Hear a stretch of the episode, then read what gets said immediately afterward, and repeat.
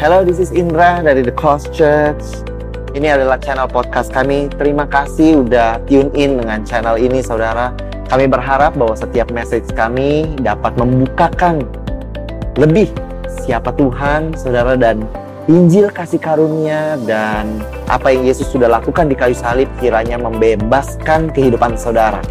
Di dalam nama Yesus. Enjoy the message. God bless you.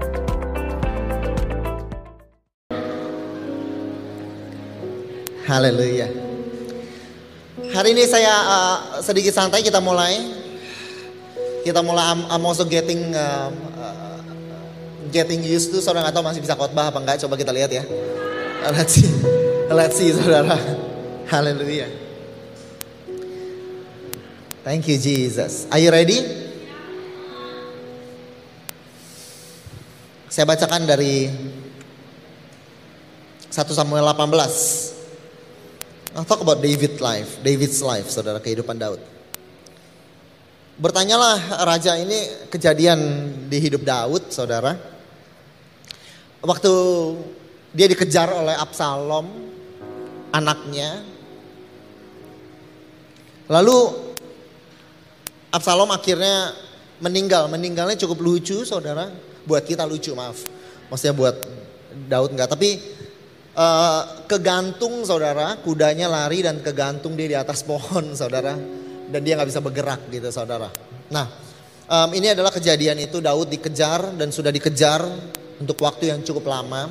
Dan akhirnya sampailah kepada kejadian ini. Bertanyalah raja Daud kepada orang Ethiopia itu, pembawa pesan. Selamatkah Absalom? Orang muda itu. Daud sayang sama Absalom ya. Walaupun dia dikejar-kejar, walaupun dia di diburu oleh oleh Absalom, tapi waktu ada pembawa pesan mengenai Absalom, yang pertama dia tanyakan, saudara, selamatkah Absalom? Because David really love Absalom, saudara. Jawab orang Ethiopia itu biarlah seperti orang muda itu. Kurang sensitif dia. Musuh, tua, musuh tuanku raja. Semua orang yang bangkit menentang tuanku untuk berbuat jahat. Maksud dia Absalom sudah mati. Kesedihan Daud terkejutlah raja dengan sedih. Ia naik ke anjung pintu gerbang. Lalu dia menangis. Beginilah perkataan Daud sambil berjalan. Anakku Absalom. Anakku. Anakku Absalom. Kalau aku mati menggantikan engkau, Absalom, anakku, anakku. Delapan kali dia sebutkan itu saudara, Absalom, anakku, anakku, anakku, anakku Absalom. Daud benar-benar ingin menjadi seorang ayah. Tapi sedikit telat untuk Absalom, saudara. His heart cries, Absalom anakku. Daud bilang kalau bisa, kalau boleh, kamu hidup, saya yang mati. There's a heart of a father, saudara. Dia bilang kalau bisa kamu yang hidup, saya yang mati. He really wanna be a father. Tapi waktunya sudah lewat, Absalom udah meninggal, saudara. Kita boleh uh, jangan main dulu sebentar, nanti saya kasih tahu. Kamu berdiri, tinggal tenang di hadirat Tuhan, oke? Okay? Kayak di setrap ya. Apa ngadep ke tembok? Lalu diberitahukannya lah kepada Yoab. Ketahuilah raja menangis dan berkabung karena Absalom. Mereka habis menang perang kan. Pada hari itulah kemenangan menjadi perkabungan bagi seluruh tentara. Sebab pada hari itu tentara mendengar orang berkata raja bersusah hati karena anaknya. Sebab itu tentara itu masuk kota dengan diam-diam pada hari itu. Seperti tentara yang kena malu, seperti orang kalah, bukan orang menang. Kembali dengan diam-diam karena melarikan diri dari pertempuran, seperti orang lari dari pertempuran. Raja menyelubungi mukanya dengan suara nyaring merataplah anakku Absalom. Absalom, anakku, anakku. Nyata dia meratap, Yoab dibilang Daud lagi meratap, Yoab datang, Daud masih meratap, anakku Absalom, Absalom anakku, anakku dia bilang. Lalu masuk Yoab menghadap raja di kediamannya serta berkata pada hari itu, pada hari ini, engkau mempermalukan semua hambamu yang telah menyelamatkan nyawamu pada hari ini dan nyawa anak-anak laki dan perempuan, nyawa istri-istrimu dan nyawa gundik-gundik dengan mencintai orang yang benci kepadamu dan dengan membenci orang yang cinta kepadamu. Ratapan Daud karena dia adalah seorang pemimpin, seorang raja. Ratapan Daud, kesedihan dia kepada anaknya dipandang sebagai dia membenci rakyat yang membantu dia. David was misunderstood. He was crying for his son doesn't mean he hates the nation, saudara. Tapi such is life saudara of David the leader saudara. Pada hari itu engkau pada hari ini engkau menunjukkan bahwa panglima-panglima dan anak buah tidak berarti apa-apa buat kamu. Bahkan aku hari ini kalau seandainya Absalom masih hidup dan kami semua yang mati itu kamu pandang baik. Oleh sebab itu bangun, pergilah keluar, berbicara. Dibangun lah keluar, berbicaralah. Menenangkan hati orang-orangmu. Yoab panglima marahin Daud saudara. Sebab aku bersumpah demi Tuhan, kata Yoab. Apabila engkau tidak keluar, maka seorang pun tidak akan ada yang tinggal bersama-sama dengan engkau pada dan hal ini berarti bagimu melebihi segala celaka yang telah engkau alami ilmu sampai sekarang. Lalu bangunlah raja. Dia duduk di pintu gerbang. Tahukanlah kepada seluruh rakyat. Ketahuilah, raja duduk di gerbang. Datanglah seluruh rakyat menghadap raja. Lalu orang Israel pun melarikan diri dan masuk ke kemahnya. Daud meratap saudara, Absalom bilang kamu keluar, bicara sama rakyat. Stop menangisi anakmu. Daud keluar, lalu Daud duduk.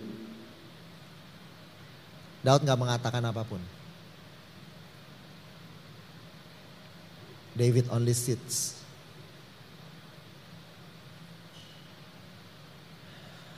sembari rakyat menghadap dia satu persatu.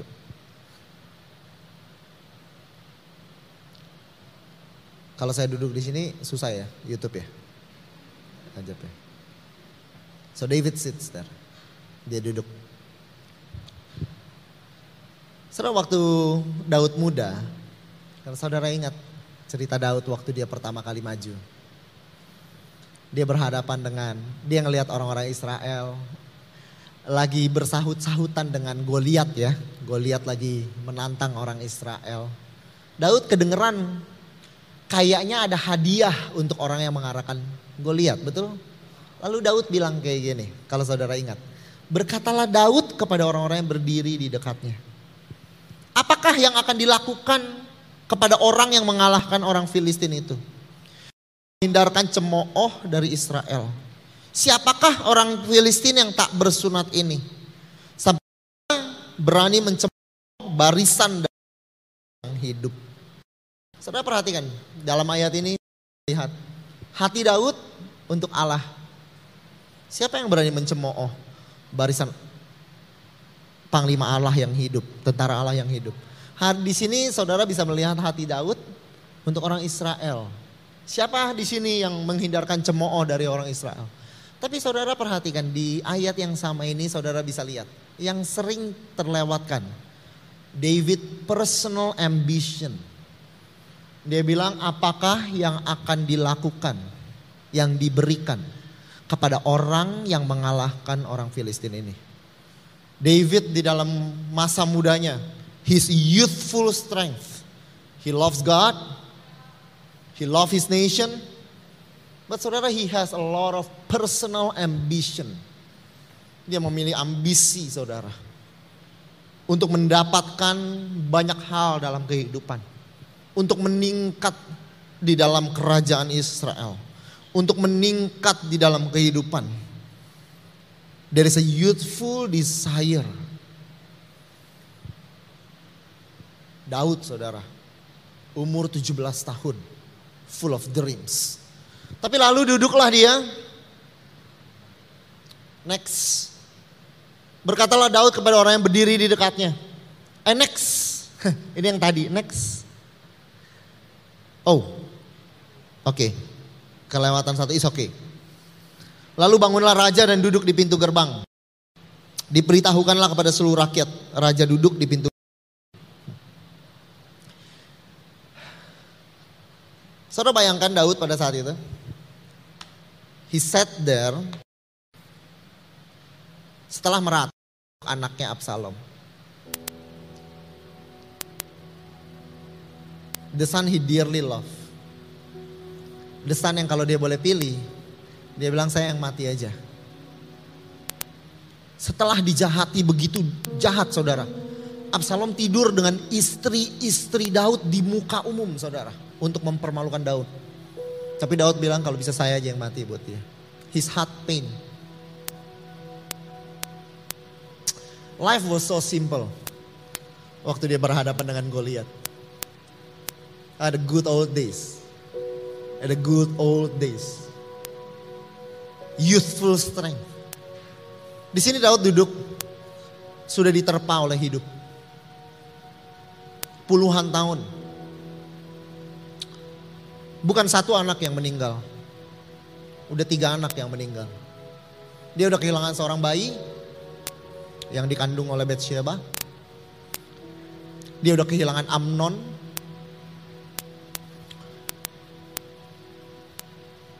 One of his daughter diperkosa. Dan hari ini Absalom. Yoab bilang kamu ke depan situ. Bicara sama rakyat. David has no words to say.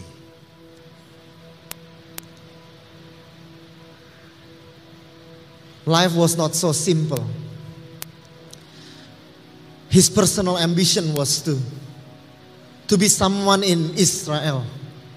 Apa yang akan dilakukan raja untuk orang yang mengalahkan orang orang Filistin ini? Tapi dengan harga apa dia bayar? He sat there.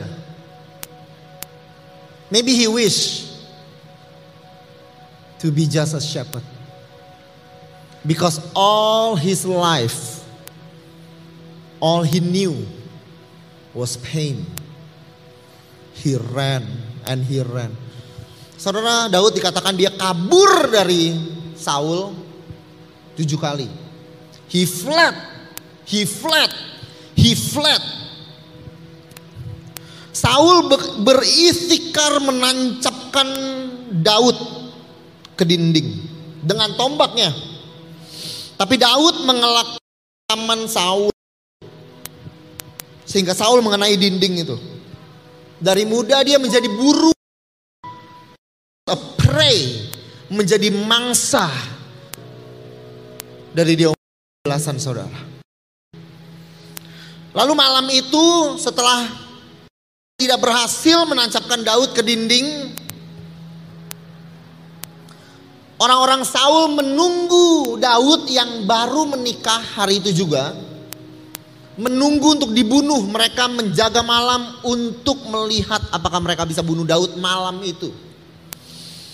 Tapi Mikal menurunkan Daud, istrinya menurunkan Daud dari jendela.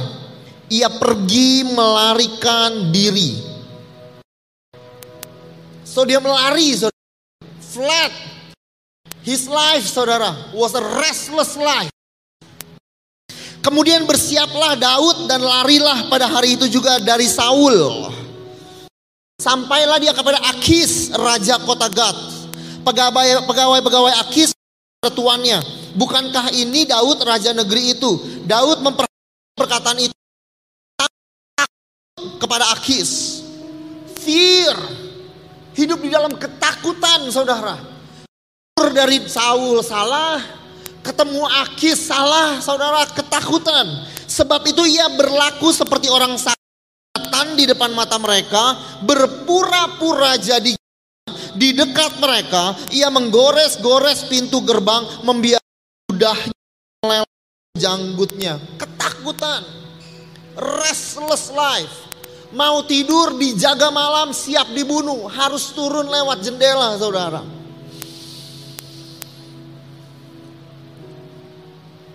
Lalu dia bilang sama Yonatan satu hari. Katanya demi Tuhan yang hidup. Demi hidupmu Yonatan. Hanya satu langkah jaraknya. Antara aku. Saudara. Jarak dia dengan kecelakaan. Itu hanya ada satu langkah. Artinya kalau dia salah langkah. Dia akan mati saudara. David Hidupnya penuh dengan restlessness. Hidupnya penuh dengan rasa tak dengan ketakutan, saudara. Tidak ada ketenangan, saudara. Penuh dengan musuh. Absalom musuh dia. Saul musuh dia. Akis musuh dia. So many enemies in life, saudara. Satu hari Saudara tahu ceritanya waktu mereka di Ziklag. Istri, anak, ternak semuanya diambil oleh orang Moab. Moab juga musuh dia. Semuanya diambil. Lalu Daud beserta orang-orangnya sampai ke Ziklag pada hari yang ketiga. Orang Amalek menyerbu tanah Negeb dan Ziklag. Ketika Daud dan ke kota itu, tampaklah kota itu terbakar habis. Istri mereka perempuan udah ditawan, ditangkap. Lalu menangislah Daud dan yang bersama-sama dengan dia dengan nyaring. Sampai mereka sudah tidak kuat lagi menangis. He cry until cry no more. Itu adalah retret berikut kita. Cry no more. Nggak bisa menangis lagi saudara. There's no more tears. Di Mazmur 6 dikatakan jiwaku sangat terkejut. Jiwanya terkejut. Artinya di dalam always ada saudara. Stress saudara. Tetapi engkau Tuhan berapa lama lagi? Lesu aku karena mengeluh. Setiap malam, setiap malam aku menggenangi tempat tidurku dengan air mata ranjangku setiap malam Every day. That's all I do for many years. I just cry. Siapa? Apa yang akan dilakukan kepada orang yang mengalahkan orang Filistin ini? Wow, such a useful strength. A simple life, a different time, a different era of his life. Setelah dia nangis setiap malam membanjiri Tempat tidurnya dengan tangisan setiap malam Tuhan. Aku menggenangi tempat tidurku dengan air mata aku membanjirinya. Mentally, emotionally. He just spent habis saudara. Itu Daud, kehidupan Daud. Maka kembali saudara. Back kepada dia terkejut dan sedih. Ia naik ujung pintu gerbang. Again, dan beginilah perkataannya sambil dia Anakku Absalom, kenapa dia sambil berjalan? Percaya rasa takut, anakku Absalom. Absalom anakku, anakku Absalom. Absalom anakku, kalau aku yang mati, Absalom, Absalom anakku, anakku Absalom. Lalu dia berjalan dan berkata, anakku Absalom, kalau aja aku yang mati. Lalu masuk Yoab, menghadap raja ke kediamannya serta berbangun pergi keluar dan berbicaralah. Speak. Berbicaralah menenangkan hati orang-orangmu. Aku bersumpah demi Tuhan kalau engkau nggak keluar, seorang pun nggak akan ada yang tinggal padamu. Hal ini berarti segala celaka ini sejak kecil sampai sekarang. Lalu bangun raja dan dia duduk di Setelah engkau dikejar setiap hari. Setelah sahabat baikmu hanya satu-satu orang yang peduli kepadamu. Jonathan. mati terlebih dahulu. Setelah engkau kehilangan Yobebi. Setelah engkau kehilangan Amnon, anak yang kau sayangi. Setelah engkau kehilangan Absalom. Setelah engkau kehilangan tiga anak hanya dalam hitungan beberapa tahun. What is there to say? What did Joab wanted want me to say? Saudara harus tahu, Daud itu skilled in speech. Next. Waktu Daud pertama kali dikenalkan oleh uh, kepada Saul, next. A mighty man of war, skilled in speech. Daud itu orang yang pintar berkata-kata. Tapi hari itu dia duduk di depan gerbang.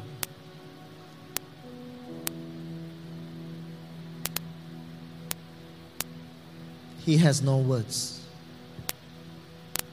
Words has been taken away from him.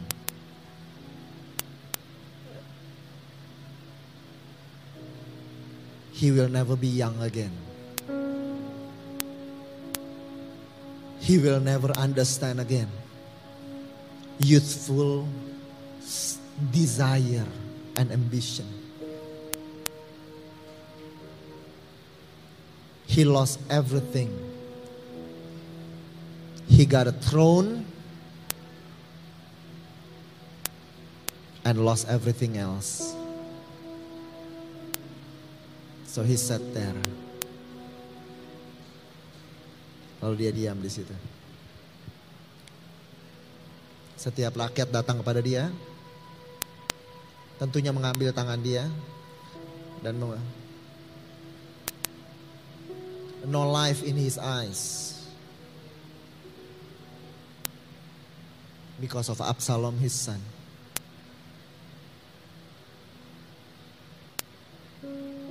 But the Lord is my shepherd. I shall not want. He makes me lie down in green pastures. He leads me beside quiet water. He restores my soul. He guides me in the paths of righteousness for his name's sake. And even though I walk the valley of the shadow of death, I fear no evil, for you are with me. You, they comfort me. You set a table before me in the presence of my enemies. You have anointed my head with oil. Cup overflows. Surely goodness and loving kindness will follow all the days of my life. Now we'll dwell in the house of the Lord forever. Kita baca ayat ini. We imagine David and the Lord shepherd. I in one. But if you look at his life, this is not his life.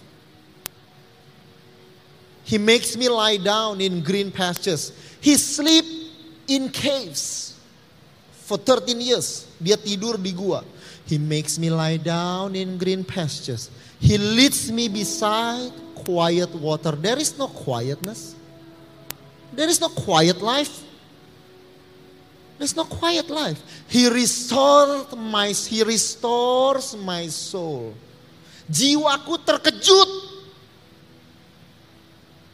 Setiap hari aku menangis sampai penuhi ranjangku. He restores my soul. This psalm is not David's life. Surely goodness and mercy shall follow me all the days of my life. All the days of my life, there's only pain. There's only pain. There's only agony. There were only tears. There were enemies.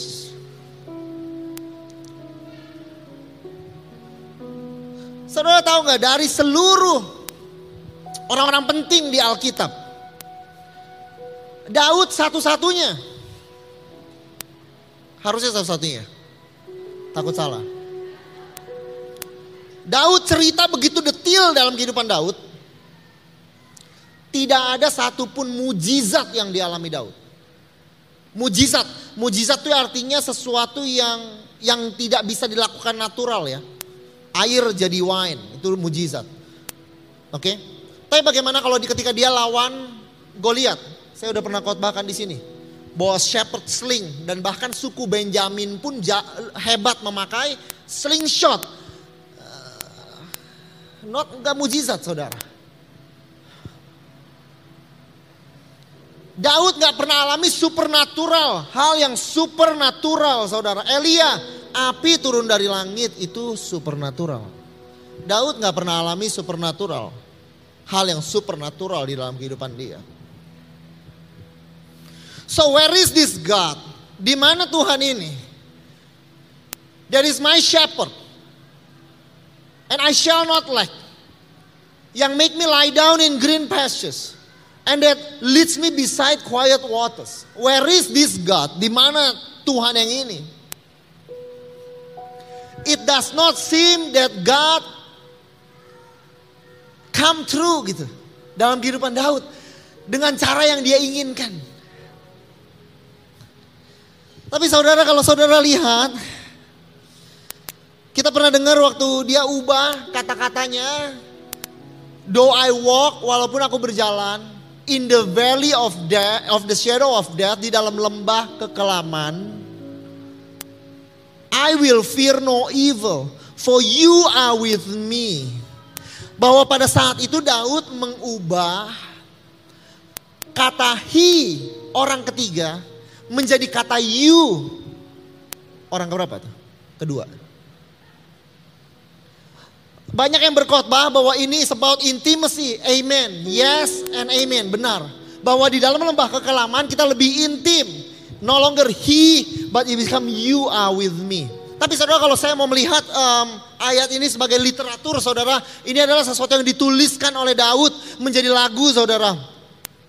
Berarti ketika dia tuliskan lagu dia menceritakan ketika dia tuliskan lagu ini dia menceritakan kepada orang the Lord is my shepherd I shall not want. He makes me lie down in green pastures. He leads me beside quiet water. Seperti sebuah cerita. Tapi waktu dia berkata doa walk through the valley of the shadow of death di dalam lembah kekelaman you are with me. Lagu yang dituliskan untuk orang lain menjadi a personal remembrance di tengah-tengah ketika dia tuangkan lagu ini. Sebuah lagu yang harusnya menjadi sebuah pengajaran bagi orang lain, tapi in the middle of that, he switch saudara, seperti kita ketika, ketika kita bernyanyi atau menyiapkan khotbah, sometimes in the middle of things, saudara, it's no longer become other people, tapi become yourself. Dan pada saat itu Daud, saudara, dia bilang, walaupun aku berjalan dalam lembah kekelaman, Tuhan ada sama aku. Lalu Daud remember something ketika dia tuliskan ini. Bahwa God has been there all along. Bahwa Tuhan is all, has always been there. Mana hal yang supernatural? Mana api dari langit? Mana gempa di dalam sebuah gunung? Ketika Daud kejar dia, maka the earth shakes ke seperti seperti Musa, the earth shakes and the mountain, saudara. If that happens, it would be easy, but there's no supernatural. Tapi Daud waktu dia nyanyi ini, he just remember, he, he become a personal memory dan sebuah kesadaran bahwa you are, you are with me. Saudara lihat satu hal ini saudara. Ingat Daud, Saul satu hari pernah tertidur waktu ngejar Daud. Sehingga Daud datengin dia. Lalu dia bilang, Saul saya bisa bunuh kamu loh. Tapi saya nggak bunuh kamu. Saudara mau lihat gak ayatnya? Saudara, you see this. Ketika kemudian Daud mengambil tombak dan kendi itu dari sebelah kepala Saul. Lalu mereka pergi. Tidak ada yang melihatnya, tidak ada yang mengetahui yang terbangun. Sebab semuanya tidur, Saul dan semua tentaranya. Karena membuat mereka tidur nyenyak. Kata tidur nyenyak di sini adalah kata yang sama yang digunakan ketika Tuhan membuat Adam tertidur. That deep sleep waktu dia mau buat Hawa, saudara. Ternyata waktu Saul tertidur, it was not supernatural, saudara. Kind of, yes, but not so much. But it was God. Tapi Tuhan yang buat mereka tidur. Ternyata Tuhan yang buat mereka tidur. Saudara, walaupun Daud, saudara, selalu hampir, hampir, hampir tertangkap tapi nggak pernah tertangkap. Supernatural, yeah, no, nothing supernatural about that. Tapi saudara perhatikan ini saudara. Next. David stayed in the wilderness stronghold in the hills of the desert of Ziph. Day after day, Saul searched for him, but God did not give David into his hands. Tuhan yang gak kasih Daud. Setiap hari, saudara bayangkan satu hari di mereka ada di gunung, di di stronghold ya, di apa sih namanya sih bahasa Indonesia stronghold? Gua-gua gitu deh ya, banyak gua-gua gitu ya. Uh, Daud ada di sebelah sini, Saul udah ada di, di sebelah sininya saudara. Pada saat itu Saul mendengar orang Filistin menyerang kota. Saul terpaksa berbalik saudara. Kebetulan saudara. Supernatural not so much. But it just it just right.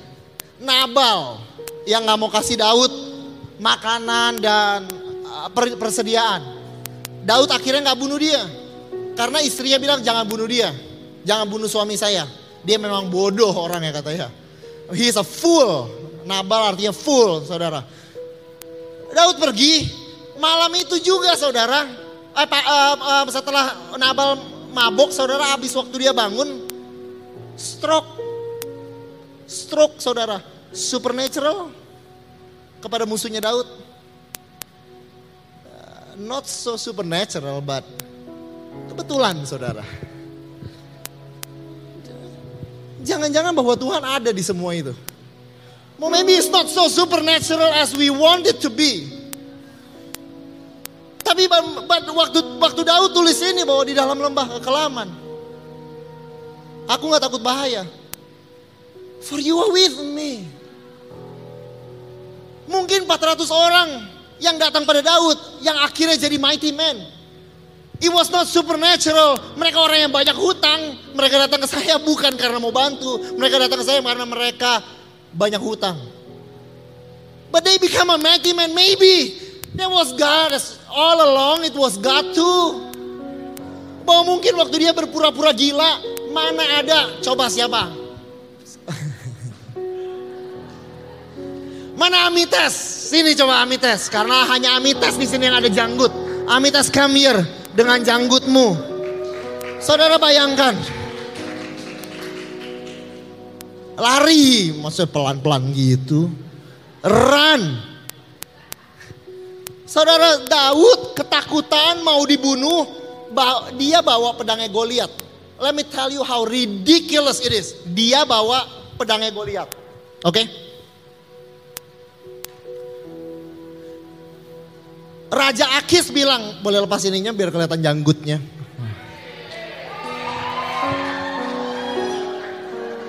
Oke okay, saudara, Raja Akis, prajurit-prajurit bilang, itu bukan Daud yang bunuh Goliat. Oke, okay? gampang dong dikenali ini Amites. Coba sekarang kamu pura-pura gila, keluarin lidah. Boleh, aja. Please, help me. Coba help me. Tunggu sebentar, masih jelas gak itu Amites? Masa jadi nggak kenal? Coba lagi, kamu pura-pura do something. Please give me an ugly face. I know you're so cool, but give me an ugly face. Beri tepuk tangan untuk kami tes. Hah? Tangannya mungkin lebih stroke or something.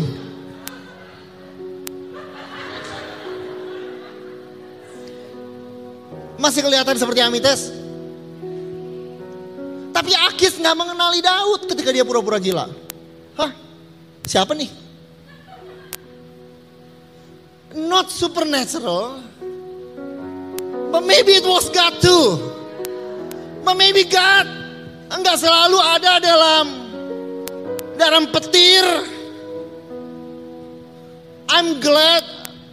You wanna stay here or you can go? Like.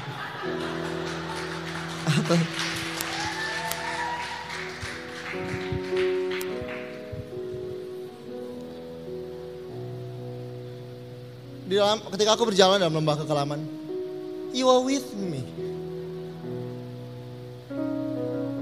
Ayat waktu tadi Daud, eh, tadi Saul dibuat tidur menjadi kunci untuk saya mengerti. Mungkin keberadaan Tuhan sering kali nggak nggak sefenomenal yang kita inginkan. And I'm glad kalau kehidupan Daud dicatat begitu detail. Dan I tell you kalau ada orang yang benar-benar perlu mujizat yang luar biasa dalam Alkitab. Salah satu orang yang sangat perlu itu Daud. Nggak pernah tuh. Runtuh kayak itu gunung ya kan. Nggak ada tuh. Ditancapkan dengan tombak. Hampir kena. Hampir. Mungkin ada Tuhan di tombak itu.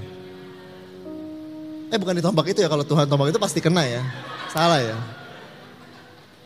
Mungkin ada Tuhan di situ. Bisa-bisanya Saul hampir kena tapi nggak kena. Nah, mungkin ada ada Tuhan juga di situ.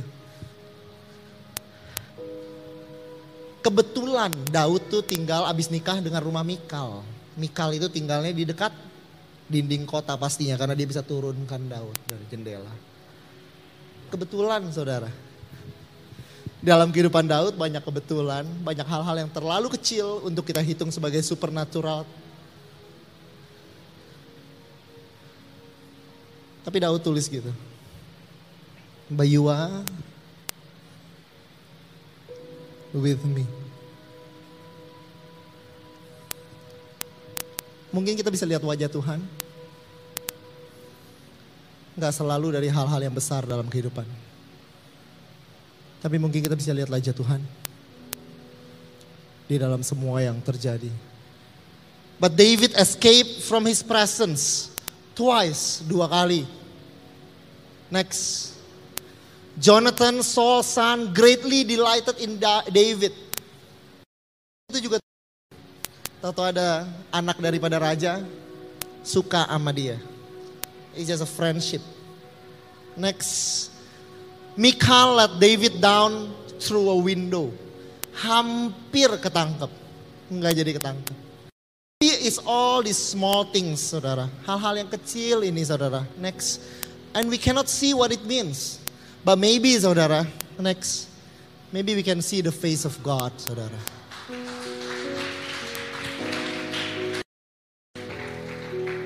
Mungkin dari seluruh hal-hal yang kecil yang kita alami dalam kehidupan kita. Klien yang batal.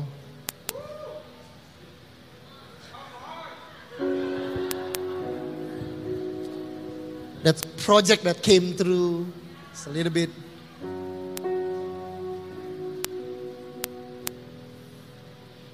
Kontainer yang gak terbalik, gak jadi terbalik.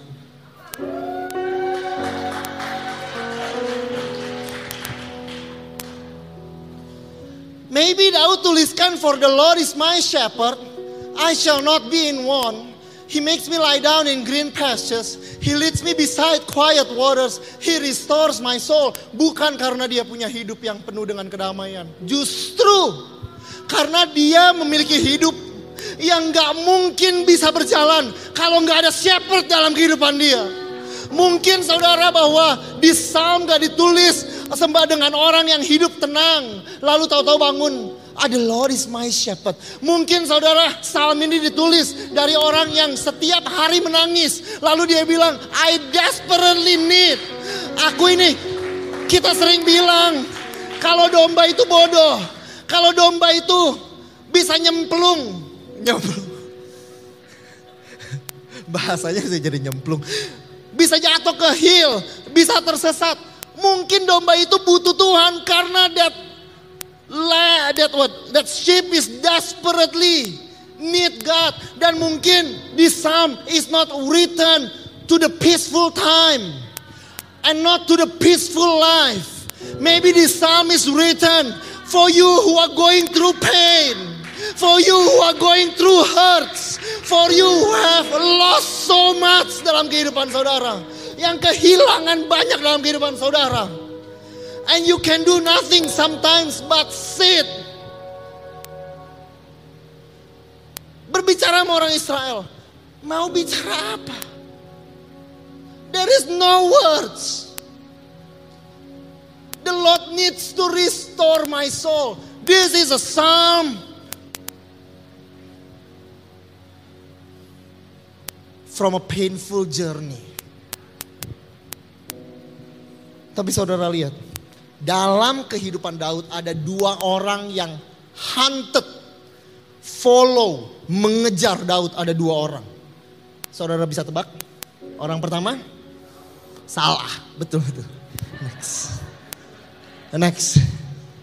Saul pursued. Orang yang kedua, Absalom. Ahitofel itu kalau dalam bahasa Indonesia-nya kayaknya tompel, si tompel. Said unto Absalom, Let us arise and pursue after David. Mari kita pursue. Tapi waktu Daud tulis, waktu Daud Mazmur, surely ada dua yang mengejar aku. Only goodness and loving kindness that will follow me all the days of life. Maybe we need that eyes. Mungkin manusia diciptakan pada hari yang keenam. Saudara, manusia itu harusnya mengerjakan seluruh bumi, betul? Waktu dia diciptakan. Tapi waktu dia bangun, udah siap kerja dong. Besoknya Tuhan bilang hari ini istirahat. Maybe we are made to sit down. Dan sebelum kita before anything else, maybe Adam sebelum kamu kerjakan dunia ini, maybe enjoy the world a little. Maybe enjoy the creation. Maybe see bahwa this is amazing. Maybe what we need is an eyes that when we see Saul and when we see Absalom, we can see something behind that and we can see far beyond that and we can see but only goodness and only mercy shall follow me.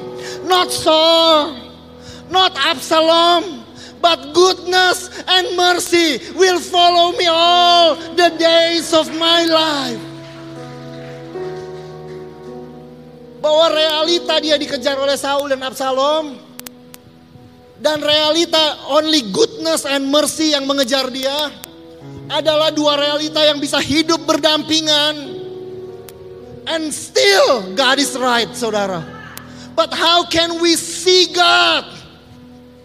Bagaimana kita bisa lihat the goodness and the mercy and not Saul and Absalom, saudara? I don't know, it's for you to figure out. Maybe we need to learn to see that small things. Maybe we can see the face of God, not in Mount Sinai. Bukan di Gunung Sinai mungkin kita lihat wajah Tuhan dengan gempa dengan api turun dari langit, mungkin kita bisa lihat bahwa musuh kita sedang tertidur malam itu. Siapa yang catat itu? Siapa yang ceritakan itu? That God put them to deep sleep. Siapa yang account di situ yang melihat itu? Daud. Artinya Daud bilang sama orang yang mencatat um, ini saudara kitab ini bahwa dia cerita turun temurun adalah waktu waktu Saul tertidur itu itu Tuhan yang kasih tidur. Kenapa? Kata Daud karena waktu aku jalan di antara tentara nggak ada yang bangun. Itu pasti Tuhan yang kasih tidur. He start to see bahwa in the valley of darkness you with me.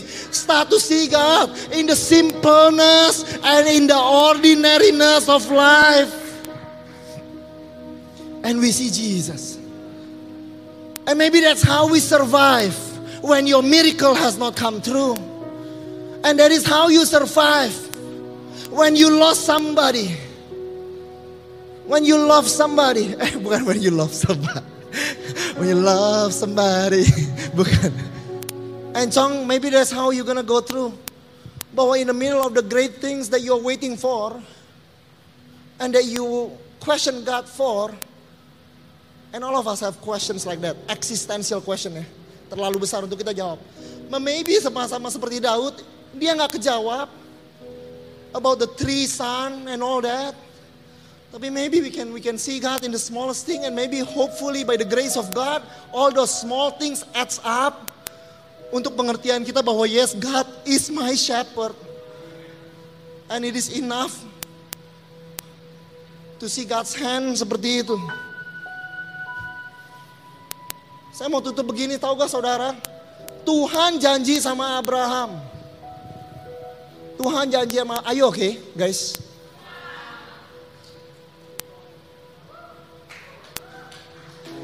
Tuhan janji sama Abraham. Saya mau kasih tahu satu hal ya. Di gereja itu kalau mau tepuk tangan, tunggu, yakin. Kalau enggak juga yakin. Karena kalau enggak awkward banget ya. Save me that sobbing. That sad, sad clap. Keep it to yourself. So the Lord made a covenant with Abraham that day and said, have given this land descendants all the way from the border of Egypt to the great Euphrates River. Euphrates River. Lembah Euphrates ya. Eufrata. Tuhan janji sama Abraham dari border Mesir. Siapa yang suruh naik? Stop.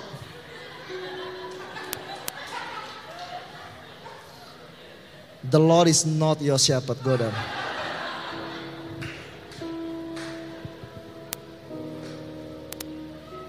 Perbatasan Mesir sampai sungai Efrata akan jadi milik kamu.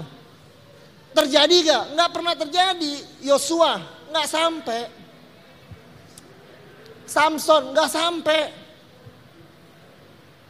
Samuel nggak sampai. Tapi saudara lihat waktu di zaman Salomo. Next. Solomon ruled over all the kingdoms from Sungai Efrata, the Philistine as, as the border of Egypt.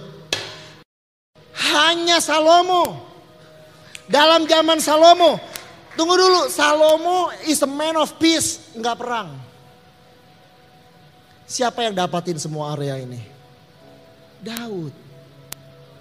Karena penggenapan janji Abraham, janji kepada Abraham digenapi hanya melalui kehidupan Daud. The promise that almost 100, maybe almost 600 years ago fulfilled through a man yang kehidupannya is not as simple. I ask myself sometimes, waktu ya, waktu Daud duduk di situ, kalau Daud disuruh pilih balik waktu muda, will he choose? Will, he? Would he have choose this path, saudara? Susah banget Inggrisnya tuh, harus mikirin dulu grammarnya. Karena ada Stephanie di sini guru Inggris, ada guru-guru Inggris di sini. So, um, tadi mau ngomong apa? Absalom anakku, anakku Absalom. Absalom anakku. Kalau aja aku yang mati menggantikan kau. Your father, no? Ya? Yeah? Ya udah itu dong. You will die instead of your son, no? That's how much pain David felt.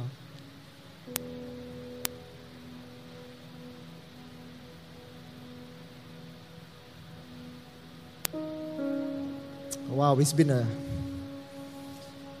it's been a wild journey.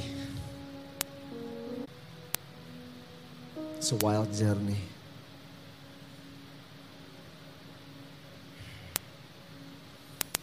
Dalam kehidupan saudara, if you question God, question God. Be honest with yourself.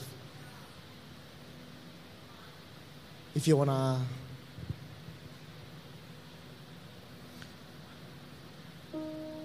waktu dia sangat ketakutan sama Akis, Daud bilang, I shall fear no evil. Is it a lie? Maybe two of these can live side by side. Maybe you are afraid, at, at the same time, you are not afraid. Maybe it is your honesty before God. Maybe it's just be, be honest God, before God, but you don't have time for God sometimes. Boy, you don't know how to get through life sometimes. Boy, you have so much enemy in your life. Boy, you're so depressed. Boy, you have a nightmare. Boy, you have fearful nights sometimes. And sometimes you can't see God. And I feel like I need to train myself by the grace of God to see God not only in the big things that I want, but in the small things. I pray that when I see Saul, I can see beyond and I can see goodness of God. And when I see Absalom, I can see beyond and I can feel the mercy of God. Toh mereka nggak tangkap saya. Walaupun saya tidur di cave, waktu dia tidur di cave dan waktu dia bisa tidur, kotor gak ya? You make me lie down in green pastures.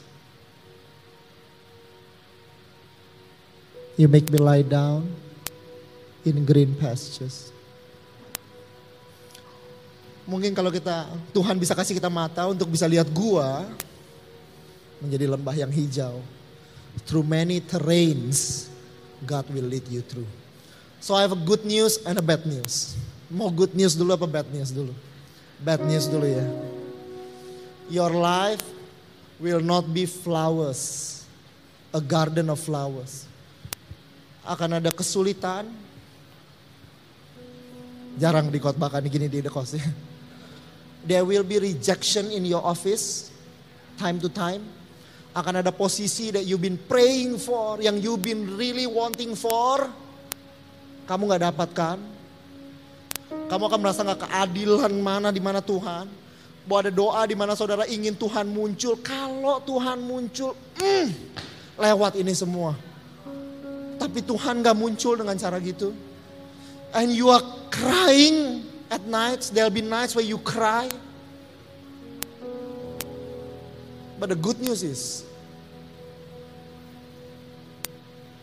walaupun kau berla- berjalan melalui ke lembah kehidupan, you are there with me. Walaupun Tuhan gak kelihatan, tapi selalu ada Tuhan di situ. And you can see the face of God. Boleh dipasangkan?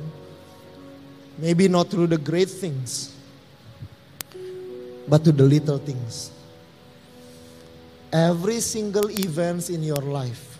Ini ada my friend um, Bapak Calvin. Used to be my enemy, but now my friend. Absalom. Eh, sebelum mereka menikah, dia baru pekerjaannya sedang sulit. And then they, when they come to me, I said, your time will come. It is not easy, no? And now you have a business dengan a lot of brands.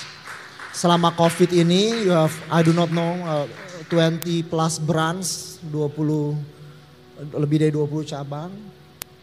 But it is hard, no? Waktu you mau menikah kan you are praying for a miracle right there and then you want to see God, right? You want to see God gitu. Tapi kan you don't see God, right? It's it's hard when you don't see God. It seems that God doesn't come like that. But maybe kalau saudara just belajar melihat Tuhan di hal-hal kecil itu semua, mungkin dari perbatasan Mesir sampai sungai Efrata, mungkin itu bukan milik kamu yang jadikan nyata. Mungkin itu biar Tuhan aja yang genapi. Karena udah 600 tahun gak ada yang bisa genapi juga. Maybe that does not is not for you. That great things is not what you can force. Maybe you live day to day, hold God's hand and the hands of God That is your shepherd. In the name of Jesus.